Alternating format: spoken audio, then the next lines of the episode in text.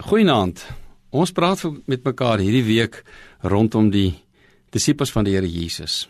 Die mense wat in sy binnekring beweeg het. Ek wil jou vanaand voorstel aan twee van hulle. Hulle was broers. As ons in Markus gaan kyk, dan word dit so beskryf. Dis Jakobus, seun van Zebedeus, en Johannes, die broer van Jakobus.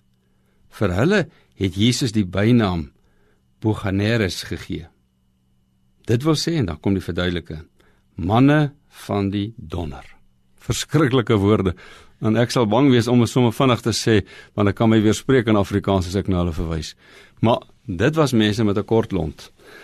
Dit was mense wat bekend gestel het dat hulle sommer ernstig was toe hulle by geleentheid in Samaria kom en die mense teenoor Jesus eintlik neutraal was. Hulle wou nie vir hom plek gee vir die aand om te slaap en dan vra hierdie twee, Johannes en Jakobus. Toe hulle dit sien, sê hulle vir die Here: "Wil jy hê ons moet vuur uit die hemel afroep om hulle te verteer?"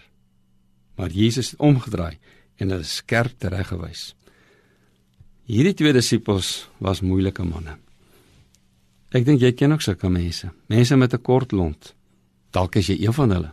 Dalk is jy met so iemand getroud. Dalk is dit hoe jou baas optree teenoor jou en die ander mense. Of dalk is jy die baas wat so met ander mense praat. Maar hierdie twee mense het saam met die Here Jesus bly loop. Jakobus en Johannes het saam met die Here met hierdie byname wat hulle gekry het, manne van die donder, het op 'n stadium in hulle lewe voor ander keuses gekom.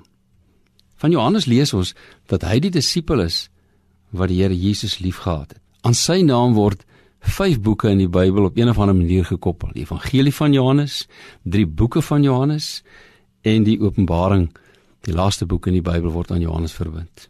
Van Jakobus weet ons dat hy die eerste Christen martelaar geword het. Die eerste man wat na Jesus se kruisiging en opstanding gekruisig is vir sy belydenis, sy volgelingskap van die Here Jesus. Jou kortie meer diskwalifiseer jou nie om 'n disipel te wees nie. Moenie wegstap nie. Stap eerder nader. Stap saam met Jesus, want hy kan, hy wil.